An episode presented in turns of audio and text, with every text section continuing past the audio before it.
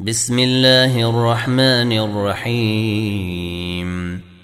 سبح اسم ربك الأعلى الذي خلق فسوى والذي قدر فهدى والذي أخرج المرعى فجعله غثاء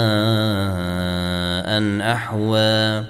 سنقرئك فلا تنسى إلا ما شاء الله.